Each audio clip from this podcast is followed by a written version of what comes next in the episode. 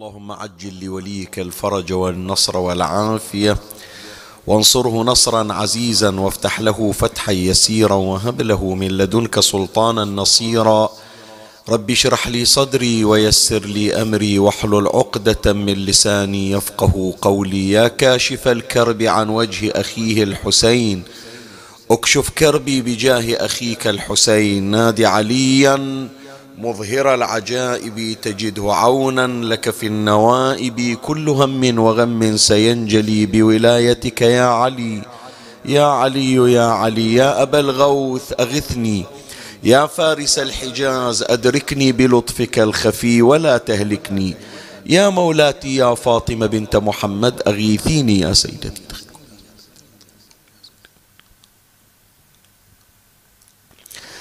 أعوذ بالله من الشيطان الرجيم. بسم الله الرحمن الرحيم. وصل اللهم على سيدنا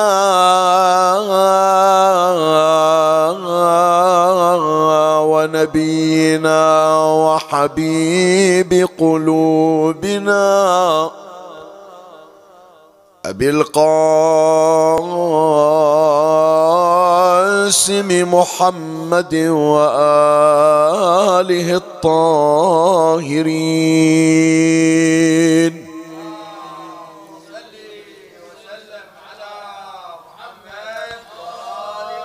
إن الله وملائكته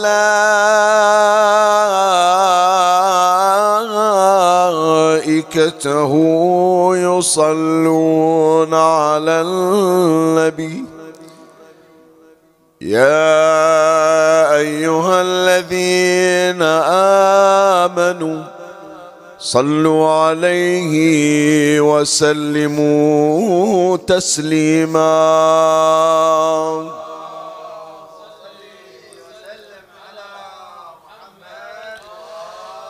يا آل بيت رسول الله حبكم فرض من الله في القرآن أنزله. كفاكم من عظيم الفخر أنكم من لم يصل عليكم لا صلاة له.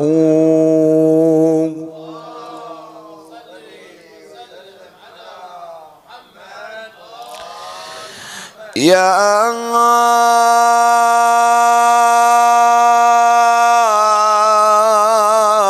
بآل محمد عرف الصواب.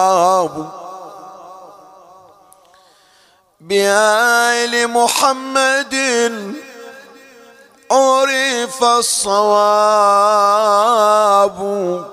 وفي أبياتهم نزل الكتاب. وهم حجج الإله على البرايا بهم وبجدهم لا يستراب صلوات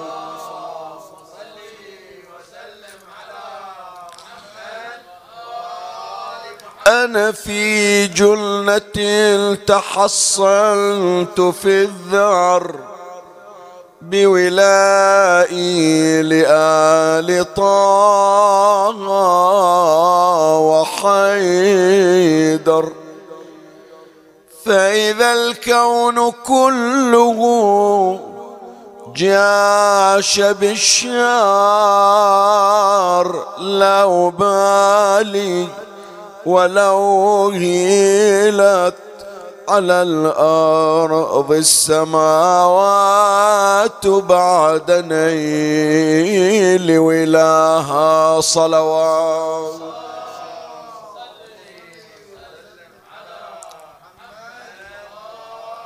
هم شموس بنت على الدهر مبنى. وبدور جلت عن الدهر دجنا. لا تمارى سنا وفضلا ومغنى. من يباريهم وفي الشمس معنا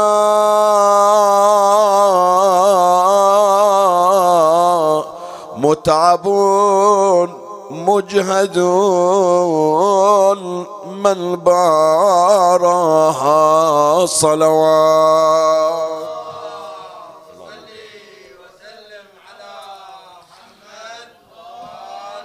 سادتي.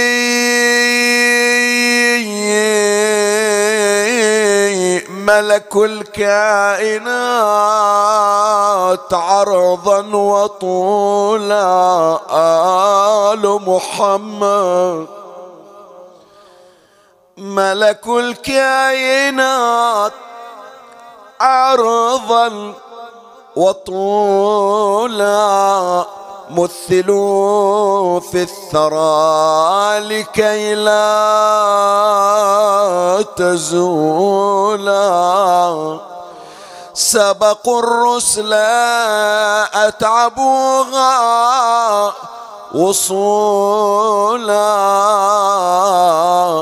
ورثوا من محمد سبق أولاها وحازوا ما لم يحوز أخراها صلوات.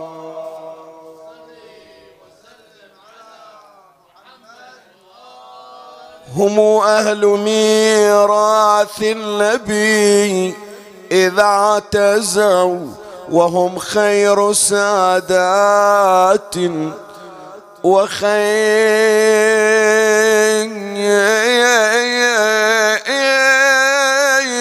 حمات مطاعيم في الإعسار في كل مشهد لقد شرفوا باليم باليمن وال بركاتي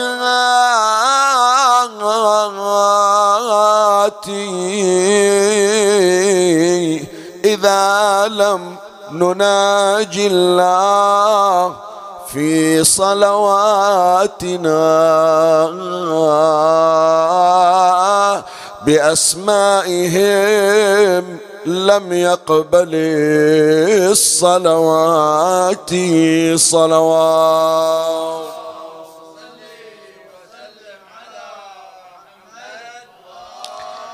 يا باقر العلم يا باقر العلم لأهل التقى. وخير من لبى على الأجبل صلوات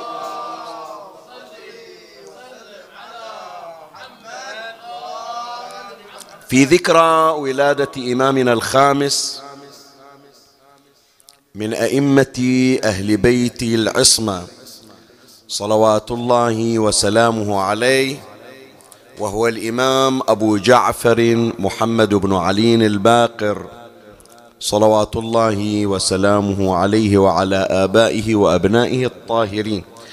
أبارك لكم يا أحبتي هذه الذكرى السعيدة. أسأل الله تبارك وتعالى أن يشملنا فيها بلطفه ورحمته وأن يتحفنا بهذه المناسبة بقضاء الحوائج وبنظرة منه عز وجل نظرة رحيمة لا نشقى بعدها أبدا. ونرجو أن يجعلنا من الواقفين على أعتاب آل محمد عليهم السلام وأن يشرفنا بخدمتهم ويزيدنا في محبتهم وولايتهم بحرمة الصلاة على محمد وآل محمد.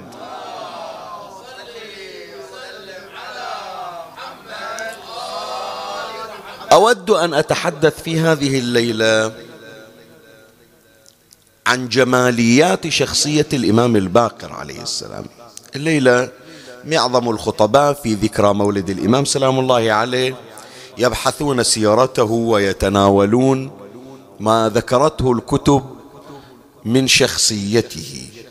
وأنا أريد أن أضع الحديث حول هذا العنوان جماليات شخصية الإمام الباقر عليه السلام. بحيث في هذه المناسبة السعيدة أجعلك كأنك ترى الإمام الباقر نصب عينيك كأنك تراه أمامك. وهذا ما سوف أشرع في بيانه إن شاء الله.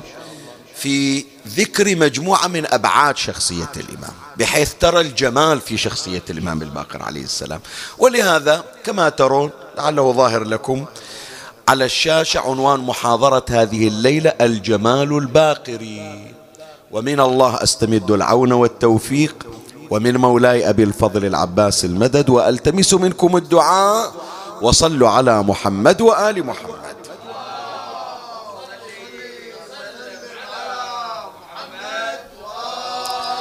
أول ما نذكره في بيان جمال الإمام الباقر عليه السلام نستعرض جماله الجسدي كما ذكره المؤرخون وكما وصفوه. من خلال الروايات طبعا. المعاصرون للإمام الباقر عليه السلام حينما رأوه دونوا هذه المواصفات دونوا هذه الملامح بحيث بعد أكثر من ألف سنة إحنا الآن نجلس في هذا المجلس الشريف ونستعرض هذه الصفات فكأننا نرى الإمام سلام الله عليه أمامنا. ذكروا أول صفة له قالوا بأنه كان معتدل القامة. معتدل القامة يعني لا هو بالطويل الشاهق ولا هو بالقصير اللاصق. ترى هذه أحيانا البعض يحاول أنه يزور في الوصف التاريخي يحاول أن يأتي بصفة غير الصفة الحقيقية حتى يرسم صورة مغايرة. مثل ما حاولوا يوصفون أمير المؤمنين عليه السلام. إيه أمير المؤمنين عليه السلام كثير من التلفيقات وكثير من التزويرات طالت شخصيته. منها ما قالوا بأنه كان قصير القامة بدينا ممتلئا.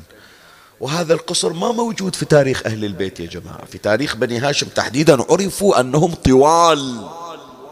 أنت من تسمع عن شخصية العباس عليه السلام بأنه كان طويل القامة إذا ركب الفرس المطهم رجلاه يخطان في الأرض خطا يتصورون بس العباس كان طفرة جينية.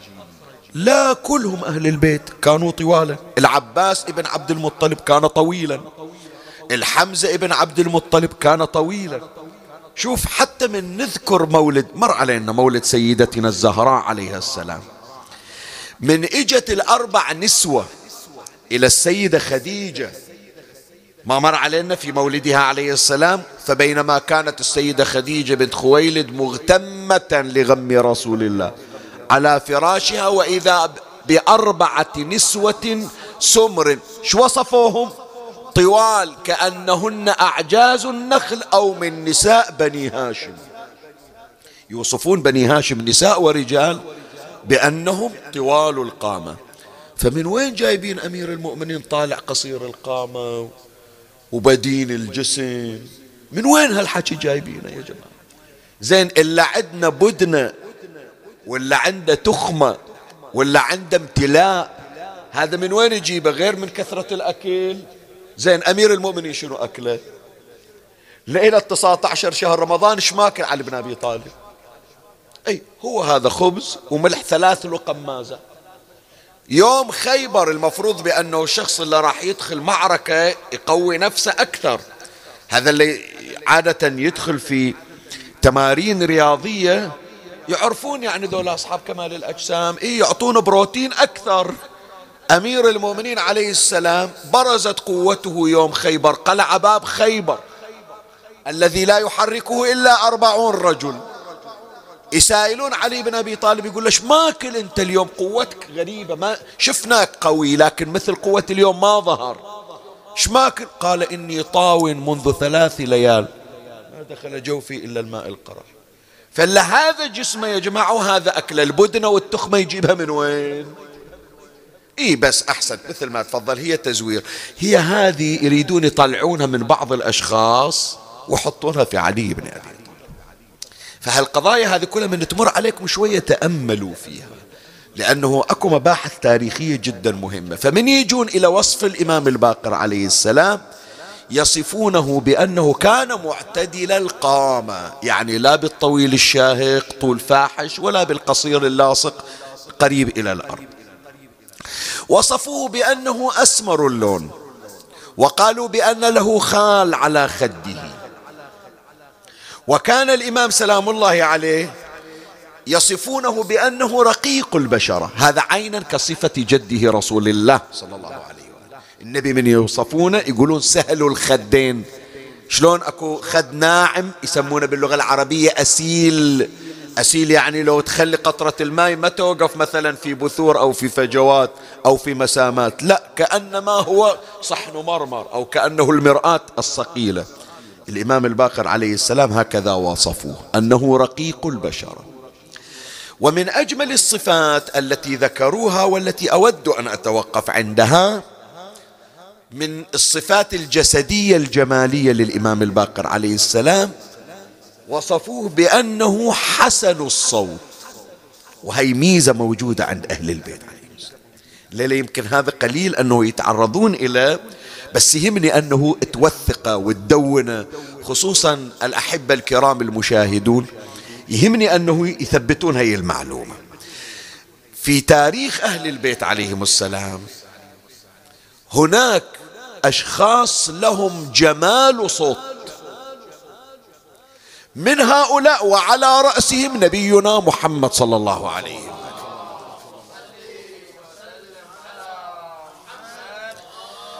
فتصور النبي صلى الله عليه وآله هم جمال صورة وهم قدرة على التأثير ونورانية ومنطقه القرآن وفوق هذه الثلاث صفات عند عذوبة منطق وعند جمال حس وصوت. بحيث أن المشركين من قريش يخافون أن واحد يجي إلى مكة ويسمع صوت محمد صلى الله عليه وسلم. فرضا ما يسمع ما يدري شو يقول. فرضا مجرد نغمة صوت النبي نغمة صوت النبي. النغمة النغمة النبرة. هذه تسحر السامع بحيث يتسمر في مكانه. فمن ضمن الأشخاص الذين ذكر التاريخ عنهم أكو واحد يسمونه الطفيل ابن عمرو. هذا إلى مقام عند أهله. وقريش كانت تخلي ناس خصوصا في أيام المواسم أيام الحج أيام العمرة على مداخل مكة. فمن يجي واحد يقولون له هاش عندك؟ يقول والله جاي أطوف والله جاي بشغل مثلا. يقولون روح قض شغلك. وإذا بحاجة إلى شيء إحنا حاضرين بس نوصيك بشيء واحد. إذا جيت للكعبة أكو واحد ساحر مجنون اسمه محمد دير بالك تسمع كلامه. دير بالك تمر صوبه. قال إيش معنى يعني؟ قال يسحرك بعذوبة صوته فهذا الطفيل ابن عامر جاي ببعض الشؤون جاي يخلص بعض الأعمال وصوه القرشيون قالوا له دير بالك هذا محمد ما ندري شو نسوي وياه. صوته ياخذ اللب. فإنت لا تسمعه قال زين أنا ما راح أروح إلى بيتهم قالوا لا ما يقعد ببيتهم تحصله عند الكعبة.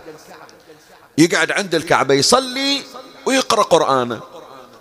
فإنت لا تروح صوبة. قال شلون ما أروح صوبة؟ أنا إلي شغل بالكعبة. أنا جاي أخلص شغلي ولازم أطوف بالكعبة أحيي الكعبة وأرجع. فش أسوي؟ قالوا إذا كان الأمر ولا بد فحشي أذنك فحشي أذنك كرسفا. حط قطن. راح نجيب لك قطن وترس أذنك بحيث الصوت ما تسمعه. ومن تمر عليه محمد بسرعة اجتازه. قال ما يخالف. فهذا الطفيل ابن عامر شال الكرسف والقطن قام يحشي بأذنه ترس كنز أذنه كلها قطن. وجابوه ذولا من ودوه عند الكعبة. قال شوف ذاك محمد يقعد بهذا المكان. دير بالك دير بالك. من تمر بسرعة استعجل في الطواف. فهو يجي يطوف. من يمر عند النبي صلى الله عليه وآله يحط يدينه على أذانه وفوقها هم موجود القطن ويجتاز بسرعة يركض يهرول في الشوط. أول شوط قال أنا تعال عاقل لو مجنون. بالله عليك يعني واحد يقول لي لا تسمع كلامه وحط قطن بإذنك. زين أنا من أرجع إلى بلدي يسألوني مكش فيها شنو أكذب؟ راح أنقل لهم الأخبار ومن الأخبار أقول لهم واحد اسمه محمد وهم قطعا سامعين. فمن يسألوني عن محمد شفته؟ سمعت كلامه؟ أقول لهم؟ والله حاط قطن بإذني حتى الطفل ما يسويها. زين لو قلت لهم يسحرني بكلامه يقولون شنو أنت؟ وين عقلك؟ إذا واحد بيسحرك بكلامه شلون نخليك سيد علينا؟ باكر كل واحد يقشمرك بحكاية يعني تخربطنا؟ فهو بنهاية الشوط الأول حط يدينا بالقطن نزع القطن من أذنه. فجاء فلما وصل إلى النبي وسمع صوته دخل صوت محمد وجمال نبرته في قلبه فجاء وقال مد يدك أنا أشهد أن لا إله إلا الله وأنك رسول الله.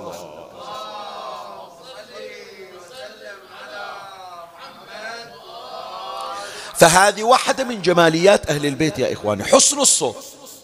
حسن الصوت هذا مو بس عند النبي وراح لا تكرر.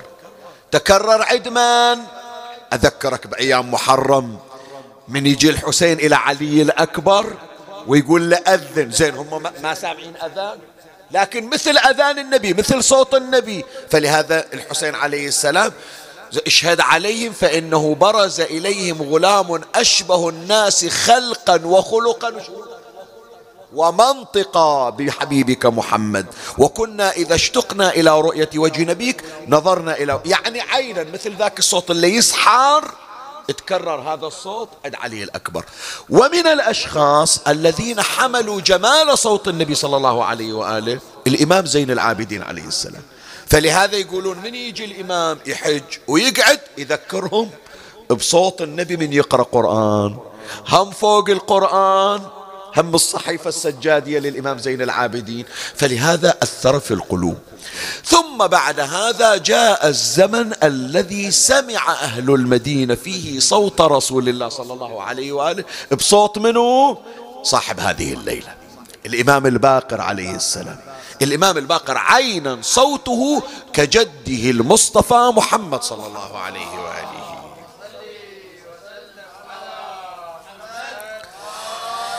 زين أنا أدري الآن من أحكي وأقرأ القضية القلوب تتعطش تقول إيش هالصوت؟ إيش هالجمال؟ شنو من نبرة؟ يا حيف ما لحقنا عليها والظاهر ما راح نسمعها. لا سيأتي يوم وتسمع نفس هذا الصوت لأنه نفس هذا الصوت موجود الآن. عدما أحسنت. عند إمامنا صاحب العصر والزمان قائم آل بيت محمد.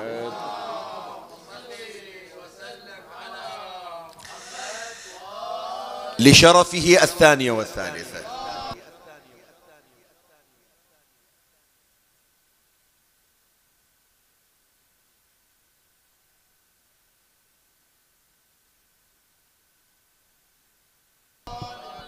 فمولاي الكريم هذه من ضمن صفات إمامنا الباقر عليه السلام.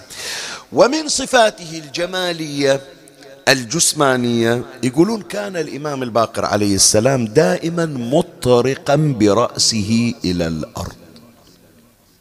شو يسوي ليش يعني دائما مدنك يصفه ولده الإمام الصادق عليه السلام. يقول كان دائما يكثر ذكر الله عز وجل. وهذه يا ريت نتعود عليه يا إخواني. يا ريت نتعود عليه. رسول الله صلى الله عليه وآله يقول وهل يدخل الناس النار إلا حصائد ألسنتهم؟ بلا نحن شنو يا جماعة؟ إيه الشحمه هذه. لقمان الحكيم عليه السلام صاحبه مولاه يوم من الأيام عند عزيمة قال له لقمان روح اذبح ذبيحة. وأريدك تجيب لي أطيب ما فيها. راح ذبح الشاة. إجا شايل اللسان وشايل القلب. قال وين الذراع؟ وين الفخذ؟ وين الرقبة؟ قال غير انت قلت تبغى الأطيب. قال زين الأطيب. قال هذا أطيب شيء. اللسان والقلب. اللسان والقلب أطيب شيء. قال زين تدري؟ روح اذبح ذبيحة ثانية. وأتني بأخبث ما فيها. راح ذبح الشاة مرة ثانية. جاب اللسان جاب القلب. قال الحين والله حيرتنا. هم طيبين لو خبيثين. قال إن هما أطيب ما فيها إن طاب وهما أخبث ما فيها إن خبث. وهي إشارة ترى. القلب إذا نظيف يا جماعة صاحب القلب يريحك. والله صدق أحكي لك يعني. القلب إذا قلب ما يشيل حقد ما يشيل حسد ما يشيل كراهية حتى لو ما طلع من جيبه فلوس وعطاك أنت مرتاح منه. تمام لو لا؟ لكن خل قلب أسود. خل قلب أسود. أنت قاعد ويضحك وياك. اطلع عنه خمس دقايق بس. أوه يا ريت بس يحش. يقصك مو يحشك. يقص. تجيك المصايب من هالخمس دقايق. انت وياه في مجلس. غافل عنه بس. طلعت الفتن. وإلا هي الفضايح تطلع من وين يا جماعة؟ غير من دود البطن مثل ما يقولون. إيش دراهم عنك الناس. ببيتك إيش صاير؟ لو ما موجود واحد عندك بالبيت يظهر لك المودة ويبطل لك العداوة تمام؟ فعود نفسك. ليش تشغل نفسك بحديث وتالي ما تشوف وإذا الحديث انجر إلى المعاصي؟ أمير المؤمنين عليه السلام يقول من كثر لغطه كثر غلطه. زين انت أول مرة ذكرت قرآن ثاني مرة ذكرت حديث ثالث مرة جبت موعظة رابع مرة جبت خبر خامس مرة جبت تحليل سادس مرة جبت سؤال سابع مرة والتالي إذا هو مو راضي ينصاك هالحلق هذا؟ صارت غيبة صارت نميمة صارت إشاعة صارت فتنة. فيعلمنا الإمام الباقر عليه السلام اشغل لسانك بذكر الله. الإمام الصادق عليه السلام يقول كان أبي كثير الذكر لله. يقول أمشي وياه يومي كله وياه. وهنيالا اللي عنده ولد دائما ملازم لأبي. هذا من نعم الله عز وجل على العبد. تمام؟ فيقول أنا أمشي ويا أبويا كان يذكر الله. يدخل السوق وأرى لسانه ملتصقا بحنكه يذكر الله. يشرب الماء ويذكر الله. شلون شيخنا؟ مو أول مرة بسم الله الرحمن الرحيم وأشرب كل رشفة ماء يذكر الله. خلص من الماء حمد الله. شرب مرة ثانية ذكر الله. وهكذا. يقعد على الطعام ذكر الله دائما. يقول حتى أنه يحدث أصحابه وهو يذكر الله. شلون شيخنا؟ إيه؟ إذا تكلم كلامه لا يخرج عن رضا الله. إذا فسح المجال لأصحابه يتكلمون هو يسمع ويذكر الله عز وجل. تمام؟ ولهذا أنا شايف يعني جزاهم الله خير الجزاء بعض المؤمنين. حتى لو حضر في مجلس العزاء يستمع السبحة بإيده ويذكر الله. بعض أمهاتنا بعض أخواتنا بعض أولادنا هم الآن يتابعون المجلس يتابع ويذكر الله. فيجمع العبادة على العبادة. هم استماع لذكر الله وهم نطق بذكر الله عز وجل. وجميل يا ريت تسوونها يا إخواني. وأنتم قاعدين هذا المجلس مثلا مقدار ساعة أقل ساعة أكثر. وإنت تسمع وإنت تصلي على النبي. ثم بعد الفراغ من المجلس ثواب الاستماع وثواب الصلوات تهدى إلى صاحب المجلس إلى من عقد عليه المجلس فتحصل على قضاء حوائج أكثر وأكثر ببركة الاستماع وببركة الصلاة على محمد وآل محمد.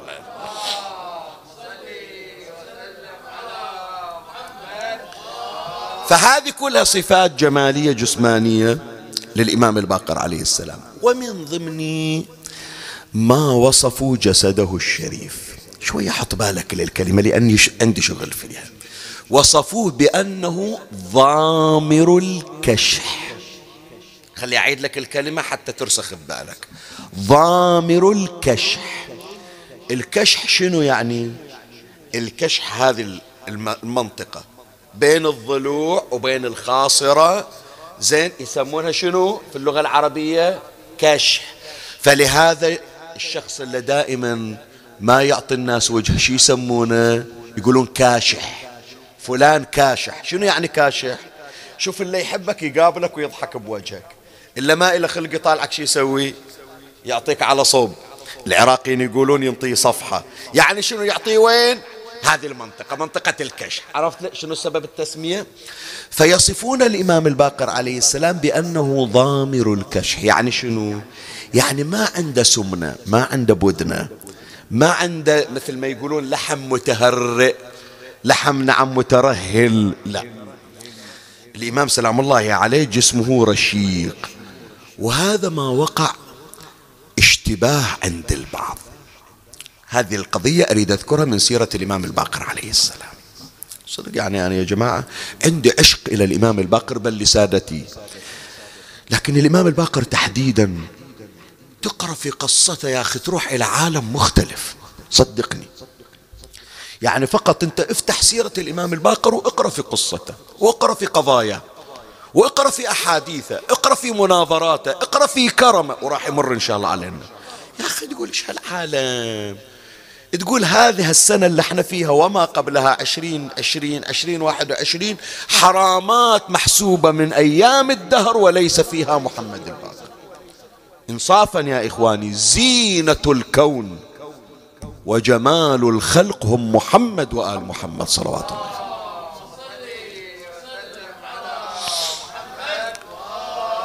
واحد من المتصوفة يسمونه محمد بن المنكدر. يقول يوم من الأيام أنا مريت الظهر فرأيت محمد بن علي الباقر. عاد هذا أنا أتوقف. هل أن هذا الوصف دخلوه على كلام محمد بن المنكدر؟ أو هو فعلا قال بس توهم عنده ما أدري. بس الصفة ليست بصحيحة. شلون؟ إلا نقلوا على لسان محمد بن المنكدر. وأنا أشك يعني أتصور بأنها دخيلة وما قالها. وإذا قالها على فرض أنه قالها فهو كان متوهما. يقول شفت وقت الظهيرة؟ وجسمه يتصبب عرقة ووجهه يترشح عرقة وهو متكئ على غلامين. وهذا النقل اللي أقولك وكان بدينا. شوف ردينا رجعنا. إيه إلى قصة أمير المؤمنين عليه السلام. من وين يجيبون البدان أهل البيت؟ دائما شوف هذه نزعات موجودة عند أعدائهم. يريدون يسلبون الصفة من ربعهم يخلونها عند أهل البيت. هو في القصة اللي يذكرها محمد بن المنكدر ما موجودة عبارة بدينا. بس إجا البعض ودخلها. زين إحنا نقول بأنه بدينا ما تفيد ليش؟ لأنه وصف الإمام أنه ضامر الكشف. شلون واحد يا جماعة مكرش زين وضلوع الخاصرته ما بيها لحم. شلون يصير؟ إيه هذه من الأمور الدخيلة. وكان في وقت الظهيرة هذا محمد بن المنكدر يقول أنا ما ارتحت إيش عنده محمد الباقر؟ أثار وقت الظهر قاعد يشتغل. هي تفيدنا يا جماعة شوي حطوا بالكم إليه وقت الظهيرة الناس تشتغل أنت جدك رسول الله بدل ما تروح المسجد تلزم لك اسطوانة وتصلي لك ركعتين تختم لك جزء جزين قاعد تشتغل تدور الدنيا وقاعد تشتغل بس تدور فلوس شلون تطلع فلوس؟ فيقول أنا رحت أريد أوعظ. من يذكر القصة يقول أردت أن أعظه فوعظني إجيت إليه.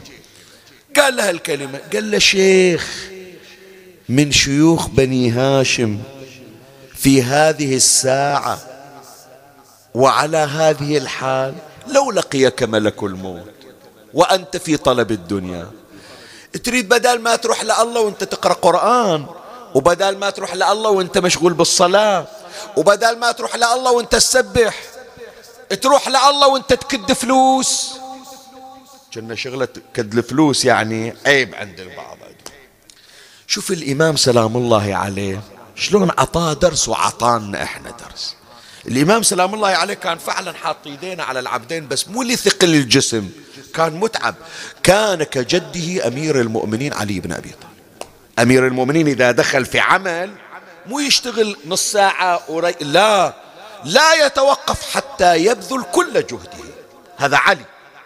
والإمام الباقر كجده أمير المؤمنين سلام الله فهو كان الإمام الباقر متكئ على الغلامين شوية يريح لأنه تاعب نفسه في العمل. بس من سمع هذا محمد بن المنكدر يقول له لو ملك الموت يجي لك وانت قاعد تشتغل تدور فلوس تدور طلب الدنيا شو تقول الله الإمام سلام الله عليه استوى جالسا. ثم التفت إلى محمد ابن المنكدر. إيش قال له؟ قال لو جاءني والله الموت وأنا على هذه الحال جاءني وأنا في طاعة. شوية حط بالك. يا جماعة وين ما قاعدين؟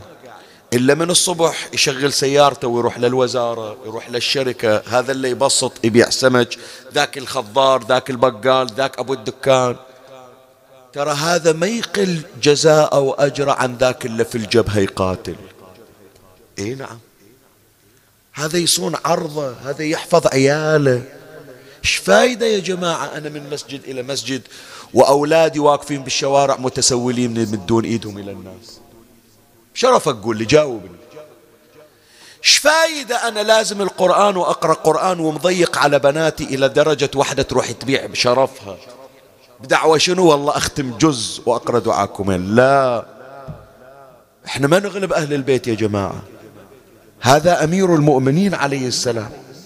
عمل في الأراضي واستصلح الأراضي. وهذا إمامنا الحسين عليه السلام. عند مزارع يشتغل في المزارع الحسين اللي تسمع عنه. ما قعد حاط رجل على رجل والله أقرأ دعاء وأقرأ قرآن. ما أستنقص بالقرآن ولا أستنقص بالدعاء. لكن لا يقل العمل أجرا عن أجر قراءة القرآن والدعاء. وهذا إمامنا إمامنا الباقر من تقرأ عنه. وقت الظهيرة. بس يقول لا واسمع راح أكمل لك الكلمة بس أريد أول أعطيك الإشارة. إمامنا موسى بن جعفر عليه السلام. الليلة احفظوها هذه القضية. إن شاء الله نهاية هذا الشهر بشهادة الإمام الكاظم هم نشير إلى إن وفقنا. الإمام الكاظم عليه السلام ضيق عليه هارون الرشيد. ما قال والله أنا اللي يريدني هذا أنا قاعد في المسجد أقرأ أدعية وأسبح وعندي أنا ستين نسمة في بيتي من بنات ومن أولاد وعندي جواري روحوا صرفوا عليهم وأنا راح أدعو لكم لا. ما موجود هالكلام. الإمام موسى ابن جعفر عليه السلام أنشأ له منطقة يقال لها صرية مزرعة يسمونها الأبواء وقام يصرف على عياله وعلى بناته وعلى جواري. وين ماكو جماعة من بني هاشم؟ ما عندهم أحد يعينهم يقول تعالوا عندي أنا أصرف عليكم. تدري لو ما تدري؟ الإمام الكاظم خمسمائة عائلة يعيلها موسى بن جعفر. مو يروح يقدم الديدة إلى الناس تعالوا أعطوني لا يشتغل مثل ما اشتغل جدة علي ومثل ما اشتغل جدة الإمام الباقر صلوات الله عليه يعني. فالإمام الباقر عليه السلام وقت الظهيرة صلى خلص تعقيب خلص أدعية خلص قرآن رجع يشتغل إلى عائلته اسمع الآن كلمة الإمام سلام الله عليه يعني. يقول لو جاءني والله الموت وأنا على هذه الحال جاءني وأنا في طاعة من طاعات الله أكف بها نفسي عنك وعن الناس. وإنما كنت أخاف الموت لو جاءني وأنا على معصية من معاصي الله. هذا اللي يخوف هذا اللي يخوف أن ملك الموت يقبض روحي وأنا متلبس بالمعصية. ومن هنا قبل لا أتجاوز هذا المطلب يا إخواني مطلب الجمال الجسماني اللي نتكلم عنه عن الإمام الباقر. شوف هذه العبارة أريد أتوقف عندها. وإنما كنت أخاف الموت لو جاءني وأنا على معصية من معاصي يا أحبائي أينما كنتم؟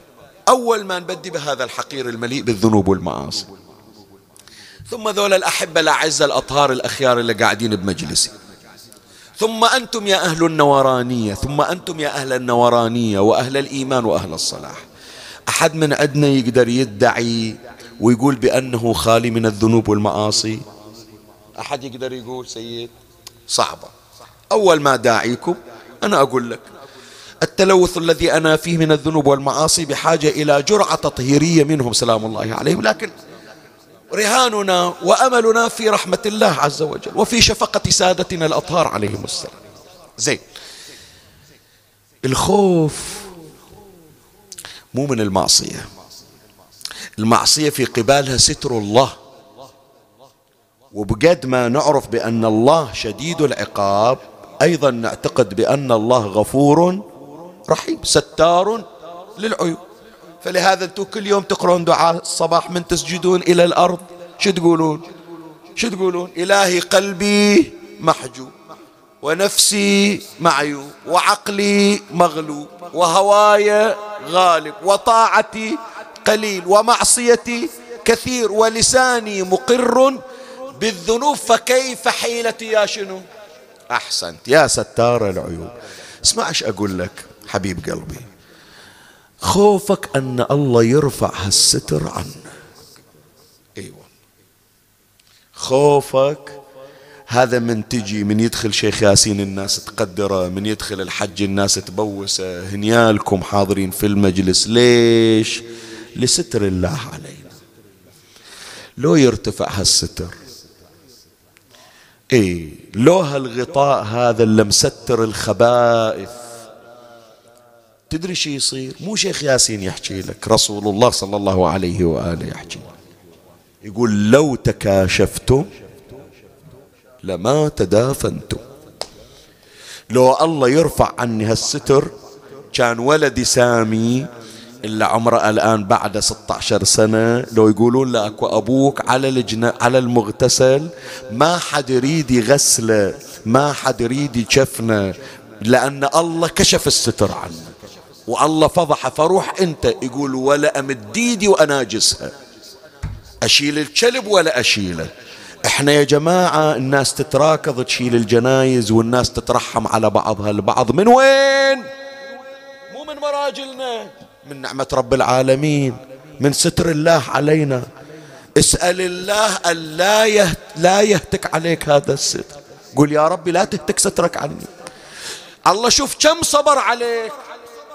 كم صبر عليك؟ الآن أنا على مشارف الخمسين خمسين سنة. خلي أقول ما علي بأشيل منها خمسة عشر سنة.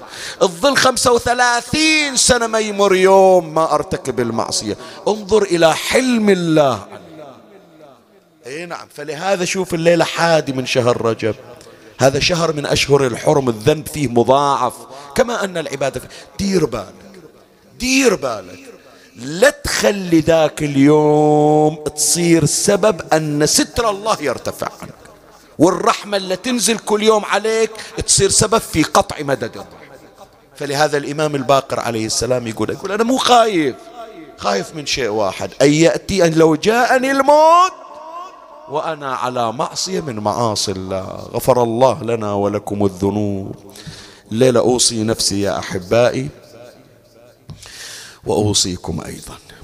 اسمعوني أحبائي وين ما قاعدين فاصل فاصل ونواصل مثل ما يقولون. من تعقيبات شهر رجب التعقيبات العامة اللي يستحب لك في كل يوم وفي كل ليلة أن تذكرها. دائما اقرأ هذا الدعاء. يا من أرجوه لكل خير وآمن سخطه عند كل شر. يا من يعطي الكثير بالقليل. يا من يعطي من سأله يا من يعطي من لم يسأله ولم يعرفه تحننا منه ورحمة. اعطني بمسألتي إياك. جميع خير الدنيا وجميع خير الآخرة. واصرف عني بمسألتي إياك. جميع شر الدنيا وشر الآخرة فإنه غير منقوص ما أعطيت وزدني من فضلك يا كريم. ثم تضع يدك على شيبتك وتحرك سبابتك اليمنى وتقول بعد هذا. شنو تقول؟ اي نعم. اللهم إن مغفرتك أرجى من عملي وإن رحمتك أوسع من ذنبي. اللهم إن كان ذنبي عندك عظيما فعفوك أعظم من ذنبي. اللهم إن لم أكن أهلا أن أبلغ رحمتك فرحمتك أهل أن تبلغني وتسعني لأنها وسعت كل شيء. يا من ارجوه لكل خير وآمن سخطه عند كل شر. يا من يعطي الكثير بالقليل. يا من يعطي من سأله. يا من يعطي من لم يسأله ولم يعرفه تحننا منه ورحمة. اعطني بمسألتي إياك. جميع خير الدنيا وجميع خير الآخرة. واصرف عني بمسألتي إياك. جميع شر الدنيا وشر الآخرة فإنه غير منقوص. ما أعطيت وزدني من فضلك يا كريم يا ذا الجلال والإكرام يا ذا النعماء والجود يا ذا المن والطول. حرم شيبتي على النار. أسأل الله عز وجل أن يكتبنا من هذه الليلة من عتقائه من نار جهنم. صدق بحاجة إحنا يا إخوان. والله بحاجة إليه بحاجة إلى أن الله يشملنا بالرحمة. بأي وجه يا إخواني؟ الآن ما أدري كم باقي عن طلعة إمامنا. ما بقى شي ترى. فإحنا في آخر الزمان. منه من عندنا يتمنى يا إخواني أنه يوم اللي يطلع صاحب الزمان ما يروح يسلم عليه. في أحد؟ أنت الآن محروم من زيارة قبر الحسين ضريح ما أنت قادر. ما أنت قادر. يقولون لك يقولون لك ترى الحسين يسمع الكلام ويرد السلام. سلم عليه بالبحرين يوصل. يقول لا ما أعرف إلا أشوف القبة إلا أشوف الشباك إلا أمشي بين الحرمين بين الحسين والعبد تمام لو لا؟ باكر يطلع صاحب الزمان تقول ما أريد أشوفه. ما تقدر. تمام؟ عجل دعاء ندبة ليش نقرأ؟ عجل اللهم كن لوليك ليش؟ عجل من تذكر اسم نزلت راسك احتراما ليش؟ فتريد تروح. بأي وجه تلقاه وأنت مليء بالذنوب. فمن الآن يكون تشتغل على نفسك أن تتطهر من الذنوب لتوفق مو بس لرؤيته والسلام عليه وإنما لكي يعينك الإمام واحدا من خلص خدامه في قصره. اللهم شرفنا برؤية قائم آل بيت محمد.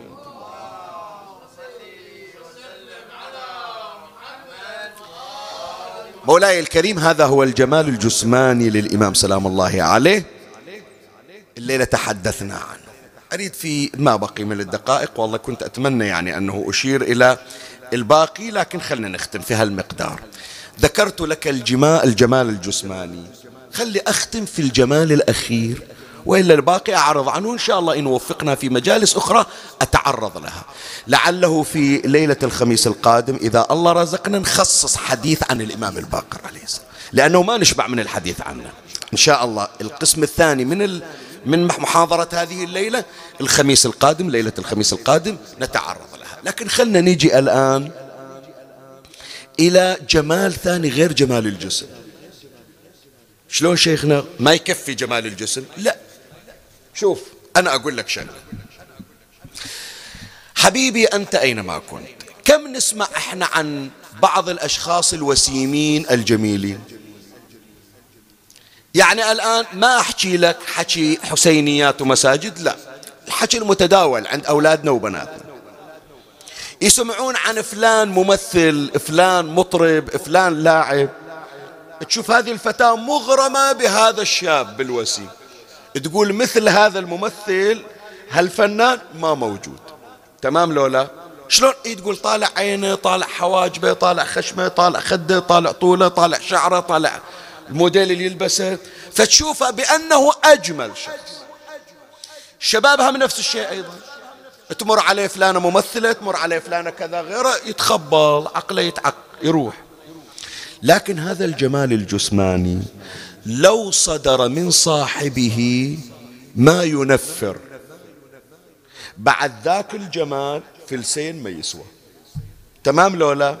أنا أقول لك اليوم افرض مثلا فلانة الممثلة الفنانة اللي هي اختاروها لأنها أجمل ممثلة في هذا البلد البلد كله الدولة كلها تحترمها.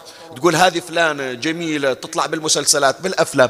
لو تحكي على البلد تشوف هم اللي كانوا يمدحون جمالها يعتبرونها أقذر خلق الله. تمام لو لا؟ فلان هذا الشاب إلا كل الفتيات يحلمن بنظرة منه.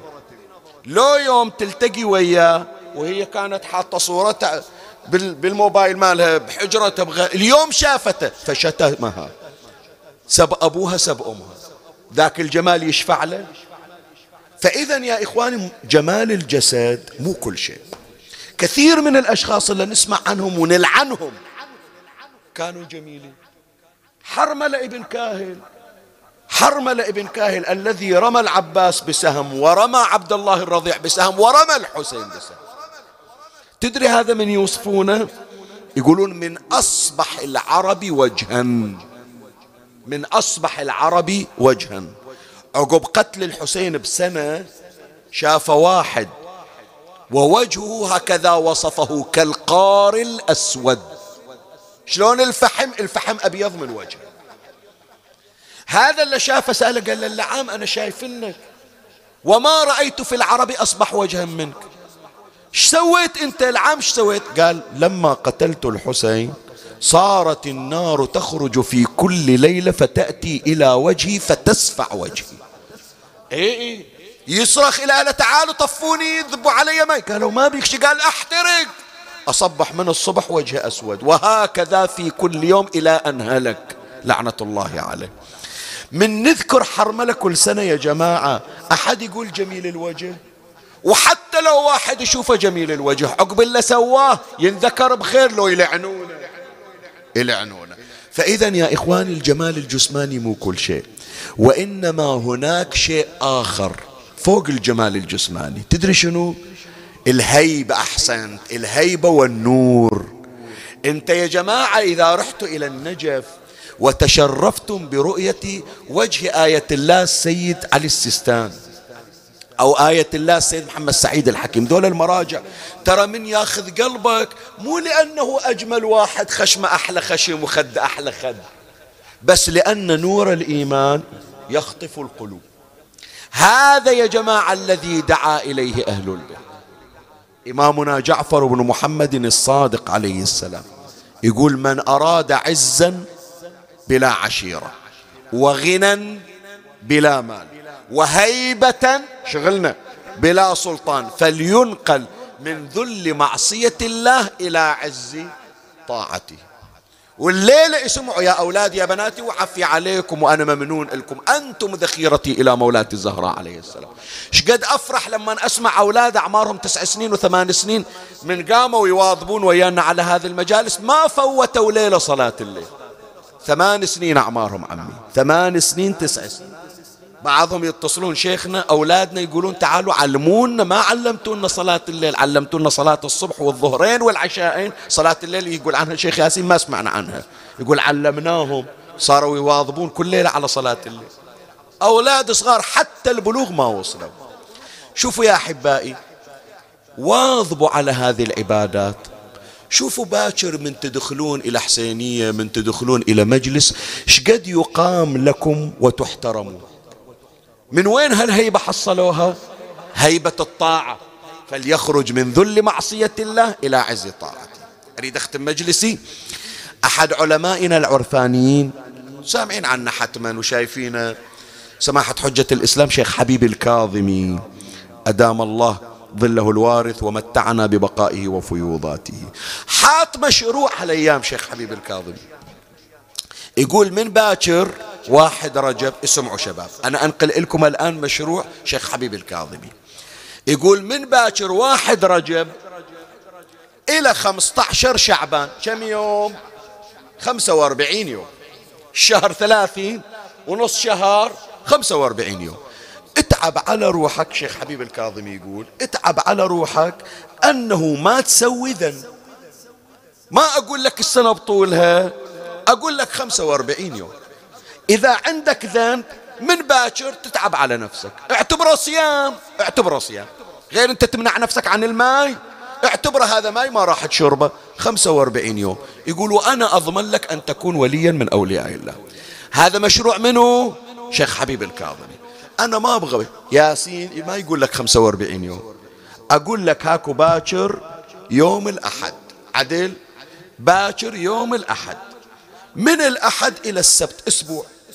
اتعب على نفسك. إذا عندك ذنب اترك. الزين شيخنا والباقي من الخمسة وأربعين يوم والثمانية وثلاثين يوم هذه شوف من أول أسبوع تأتيك يد القدرة الإلهية فتعينك على ترك المعاصي والذنوب.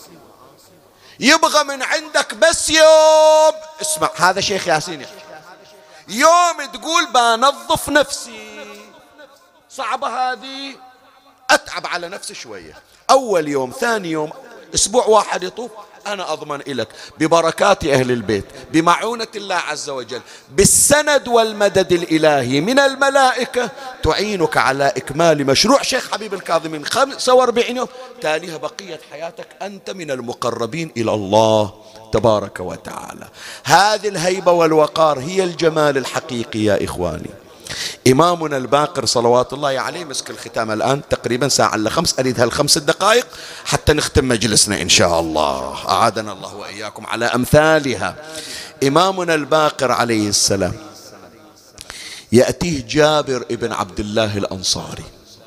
مية سنة عمره. بعضهم يقول سبعة وتسعين سنة. والإمام بعد صغير السن. لكن يأتي جابر ابن عبد الله الأنصاري ويجلس بين يديه والإمام الباقر يعلم جابر ويفيض عليه.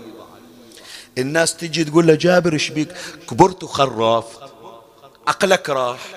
وين قعدتك ويا النبي؟ وين قعدتك ويا علي بن أبي طالب؟ وين قعدتك ويا الحسن؟ وين قعدتك ويا الحسين؟ وين الصحابة اللي عشت وياهم؟ أشو تاليها آخر أيامك تقعد ويا طفل يعلمك العلم من أول وجديد؟ الإمام سلام الله عليه ينظر إليه ويتبسم وجابر يقول يا باقر لقد أوتيت الحكم صبيا. شلون عيسى ابن مريم بعد في المهد ويحكي أنت كذلك. هذه من وين هالهيبة يا إخوان؟ هذا الجمال الحقيقي. جمال النور.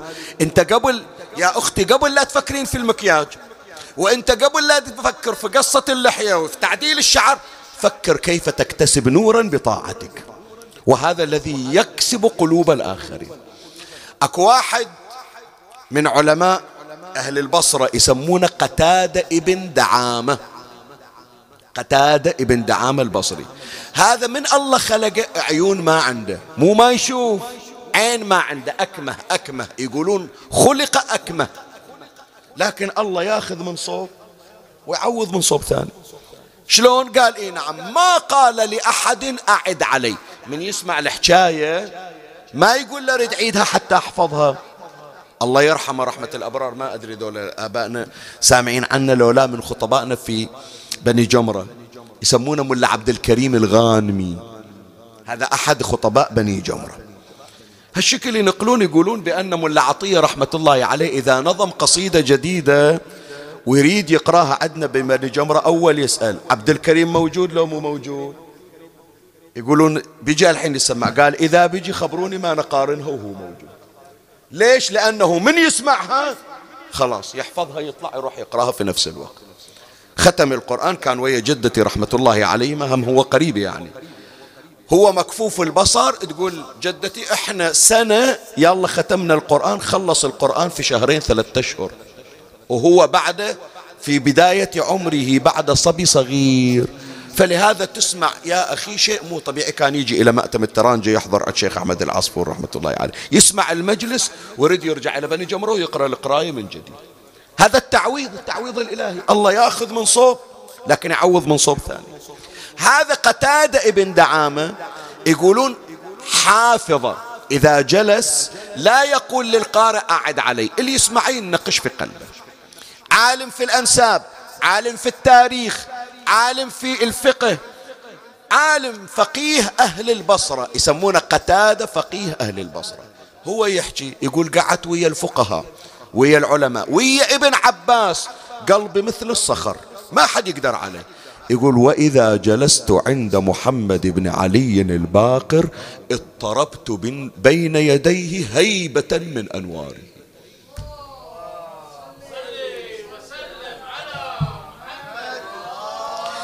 بهذا يا أحبائي أرجو أن أكون قد وفقت في عرض شيء يسير من جماليات إمامنا الباقر عليه السلام. موعدنا معكم إن شاء الله في تتمة هذه الحلقة في ليلة الخميس القادمة. أسأل من الله تبارك وتعالى التوفيق لنا ولكم وأن يعيدنا وإياكم على أمثال هذه الأيام في خير منه وعافية.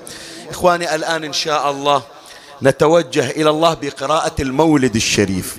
طريقة أهل البحرين طريقة أهل الخليج. من نذكرها والصلوات فيها يكون ترفعون إيدكم وتطلبون حوائجكم.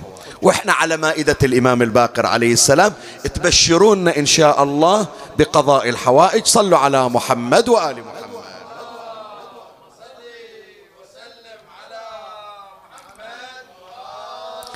اللهم صل على محمد وآل محمد. اللهم صل على محمد وآل محمد.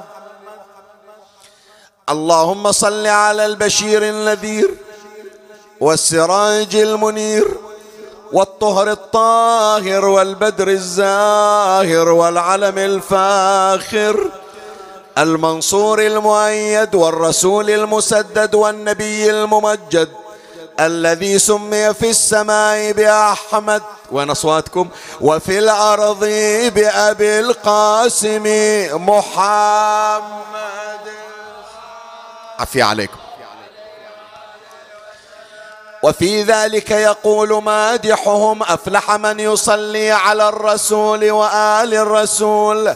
يا مستمعين النظام صلوا على البدر التمام. محمد صلى هم النور نور الله جل جلاله. هم التين والزيتون والشفع والوتر. وأسماؤهم مكتوبة فوق عرشه. ومخلوقة من قبل أن يخلق الذر وأفضل الصلاة.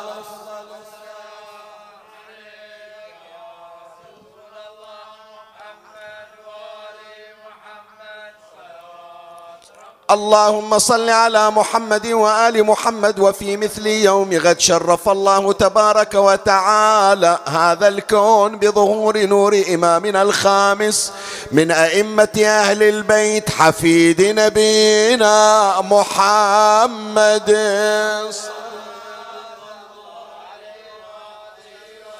وهو الإمام بالنص محمد بن علي الباقر. أبوه علي بن الحسين زين العابدين عليه السلام وفيه يقول جده المصطفى محمد.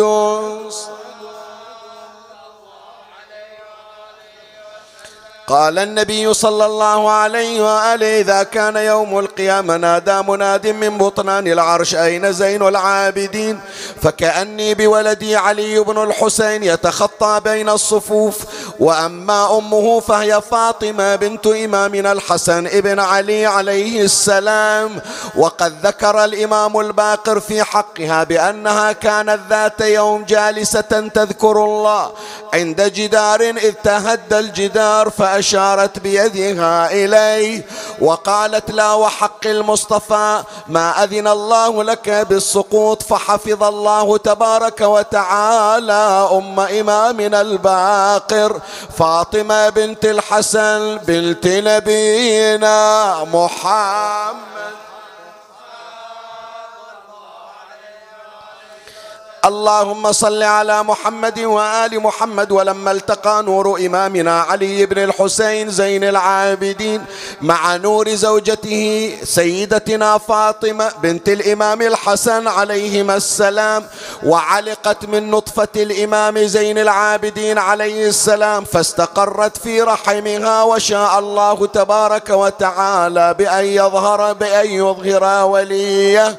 أتمت هنالك أربعة أشهر فأمر الله عز وجل ملكا أن يهبط من السماء حتى إذا كتب على عضده الأيمن وتمت كلمة ربك صدقا وعدلا لا مبدل لكلماته وهو السميع العليم.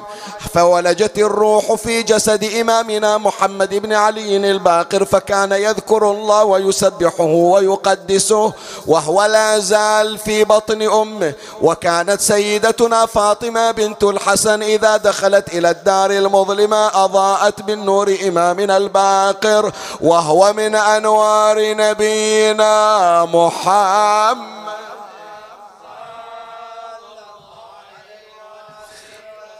وفي ذلك يقول مادحهم أفلح من يصلي على الرسول وآل الرسول.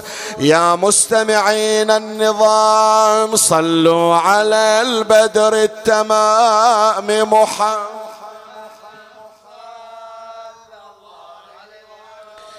إليكم كل ملقبة تؤول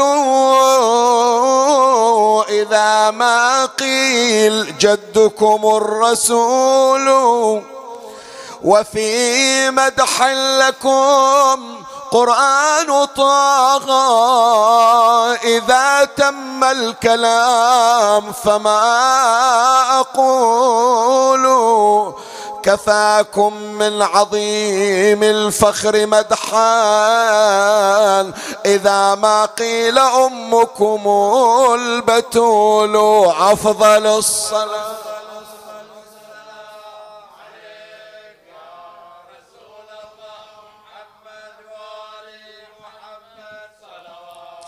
لا إله إلا الله محمد رسول الله علي ولي الله بمحمد ختمت النبوة.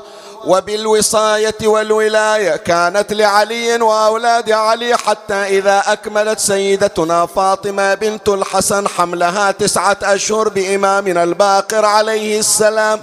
وشاء الله تبارك وتعالى أن يشرف الكون بمقدمه الشريف. أمر الله تبارك وتعالى من رضوان خازن الجنان بأن يزين الجنة وأن يأمر الحور العين والولدان المقربين بأن يقف يعرفوا صماطين بالتسبيح والتقديس والصلاة على النبي محمد. وأمر الله عز وجل مالك خازن النيران بأن يوصد أبواب النيران كرامة لمولود يولد في الأرض لنبينا محمد. ولما جاءت ساعة الميلاد المبارك اضطجعت سيدتنا فاطمة بنت الحسن وهي لا تحس بتعب ولا وجع بل تجد في نفسها خفة واتساعة وكان النور يشع من غرتها وعندها جمع جماعة من نساء بني هاشم عن يمينها وعن شمالها وبينما كانت هي كذلك إذ وضعت بالإمام الباقر. أفضل.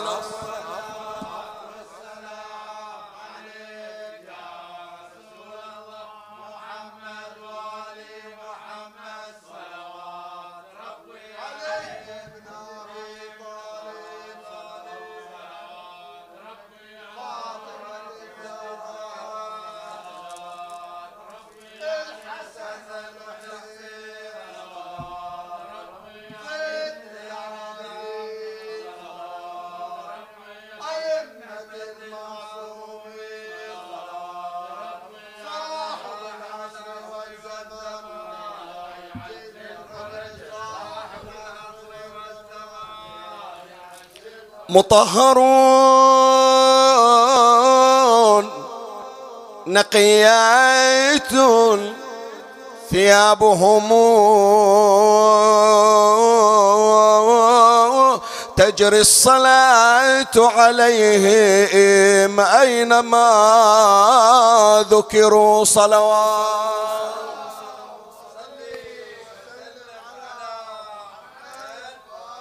والله لما برا خلقا فأتقنه صفاكم واصطفاكم أيها البشر صلوات.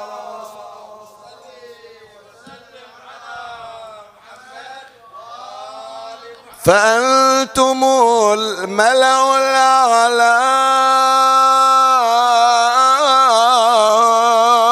وعندكم علم الكتاب وما جاءت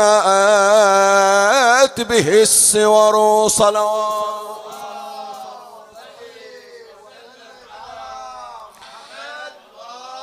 أربعة عشر حرز نذكر أسماء المعصومين الأربعة عشر في الصلوات. تباعا وإيدكم مرفوعة وتقدمون حوائجكم. ادعوا لإمامنا صاحب الزمان وادعوا لأصحاب الحوائج. أفضل الصلاة والسلام. يلا ارفع صوتك. إلا في البيوت. محمد وآل محمد صلوات.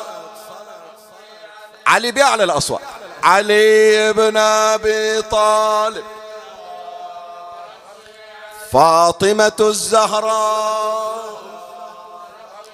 الحسن والحسين زين العابدين محمد الباقر جعفر الصادق موسى الكاظم. علي الرضا. محمد الجواد. علي الهادي.